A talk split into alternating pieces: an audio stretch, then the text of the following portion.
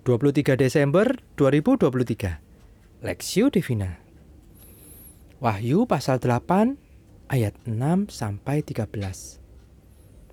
Dan ketujuh malaikat yang memegang ketujuh sangkakala itu bersiap-siap untuk meniup sangkakala. Lalu malaikat yang pertama meniup sangkakalanya dan terjadilah hujan es dan api bercampur darah dan semuanya itu dilemparkan ke bumi. Maka terbakarlah sepertiga dari bumi dan sepertiga dari pohon-pohon, dan hanguslah seluruh rumput-rumputan hijau.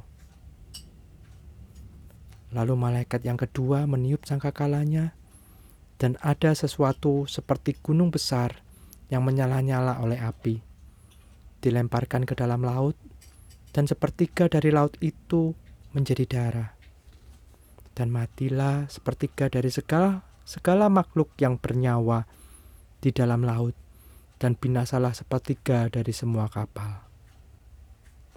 Lalu malaikat yang ketiga meniup sangkakalanya dan jatuhlah dari langit sebuah bintang besar menyala-nyala seperti obor dan ia menimpa sepertiga dari sungai-sungai dan mata-mata air. Nama bintang itu ialah absintus. Dan sepertiga dari semua air menjadi absintus. Dan banyak orang mati karena air itu, sebab sudah menjadi pahit. Lalu malaikat yang keempat meniup sangkakalanya, dan terpukullah sepertiga dari matahari, dan sepertiga dari bulan, dan sepertiga dari bintang-bintang, sehingga sepertiga daripadanya menjadi gelap, dan sepertiga dari siang hari tidak terang, dan demikian juga malam hari. Lalu aku melihat, aku mendengar seekor burung nasar terbang di tengah langit dan berkata dengan suara nyaring, Celaka, celaka, celakalah mereka yang diam di atas bumi, oleh karena bunyi sangkakala ketiga malaikat lain yang masih akan meniup sangkakalanya. Empat, sangkakala perspektif. Celaka, celaka, celakalah mereka yang diam di atas bumi oleh karena bunyi sangkakala ketiga malaikat lain yang masih akan meniup sangkakalanya. Wahyu pasal 8 ayat 13b. Dalam beberapa kisah Alkitab, sangkakala memainkan berbagai peranan penting. Akan tetapi, tujuh sangkakala dalam kitab Wahyu ini mengingatkan kita pada tujuh sangkah kala yang ditiup bangsa Israel pada saat mengelilingi tembok Yeriko. Bunyi itu menandakan penghakiman Tuhan atas Yeriko dan tembok yang besar itu pun runtuh. Seperti saat itu, sangkakala dalam kitab Wahyu ini menunjukkan tanda yang serupa bahwa penghakiman Tuhan atas bumi sudah tiba dan setiap tiupan sangkakala itu mendahului petaka yang ditimpakan ke atas bumi. Empat sangkakala pertama ini menunjukkan penghakiman atas alam, kehancuran atas tumbuhan, mata air, dan benda-benda langit. Sangkakala pertama mengakibatkan hujan es dan api yang menghancurkan sepertiga tumbuhan di bumi. Wahyu pasal 8 ayat 7. Sangkakala kedua mengakibatkan bola api sebesar gunung jatuh ke dalam laut dan mengakibatkan musnahnya makhluk banyak makhluk hidup laut. Wahyu pasal 8 ayat 8 sampai 9. Sangkakala ketiga menurunkan bintang dengan api seperti obor yang membuat danau-danau serta sungai-sungai terasa pahit sehingga banyak orang mati ketika meminumnya.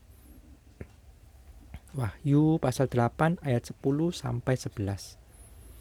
Sangkakala keempat mengakibatkan matahari dan bulan menjadi gelap. Meski empat sangkakala pertama ini nampak tidak berkaitan dengan manusia, kehancurannya tetap berdampak besar pada manusia. Ini adalah peringatan agar orang bertobat. Harapannya kehancuran yang akan datang ketika tiga sangkakala berikutnya dibunyikan tidak menimpa mereka. Ketujuh, ketujuh sangkakala ini menunjukkan penghakiman Tuhan yang begitu nyata dan pasti. Penghakiman Allah mengakibatkan kita bahwa, mengingatkan kita bahwa dia adalah Allah yang adil, yang akan menghukum tiap dosa kesalahan. penghakimannya juga mendorong setiap kita untuk segera bertobat dari segala dosa. Sebab orang yang tidak bertobat tidak akan luput dari penghakiman Tuhan. Sakakala penghakiman ini juga mengajak kita mempersiapkan diri untuk menyambut kedatangan Kristus kedua kali.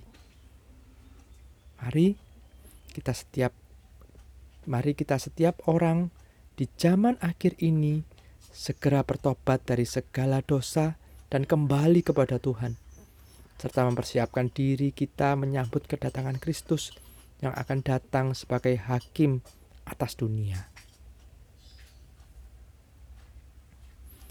Studi pribadi, jika Kristus datang kedua kali hari ini, siapkah kita menyambutnya?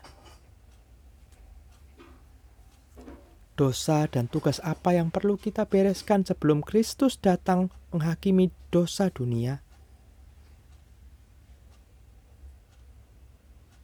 Pokok doa, berdoalah supaya setiap kita dimampukan oleh Tuhan untuk mempersiapkan diri menyambut kedatangan Kristus dengan bertobat dari segala dosa dan mengajarkan dan mengerjakan tugas keselamatan kita.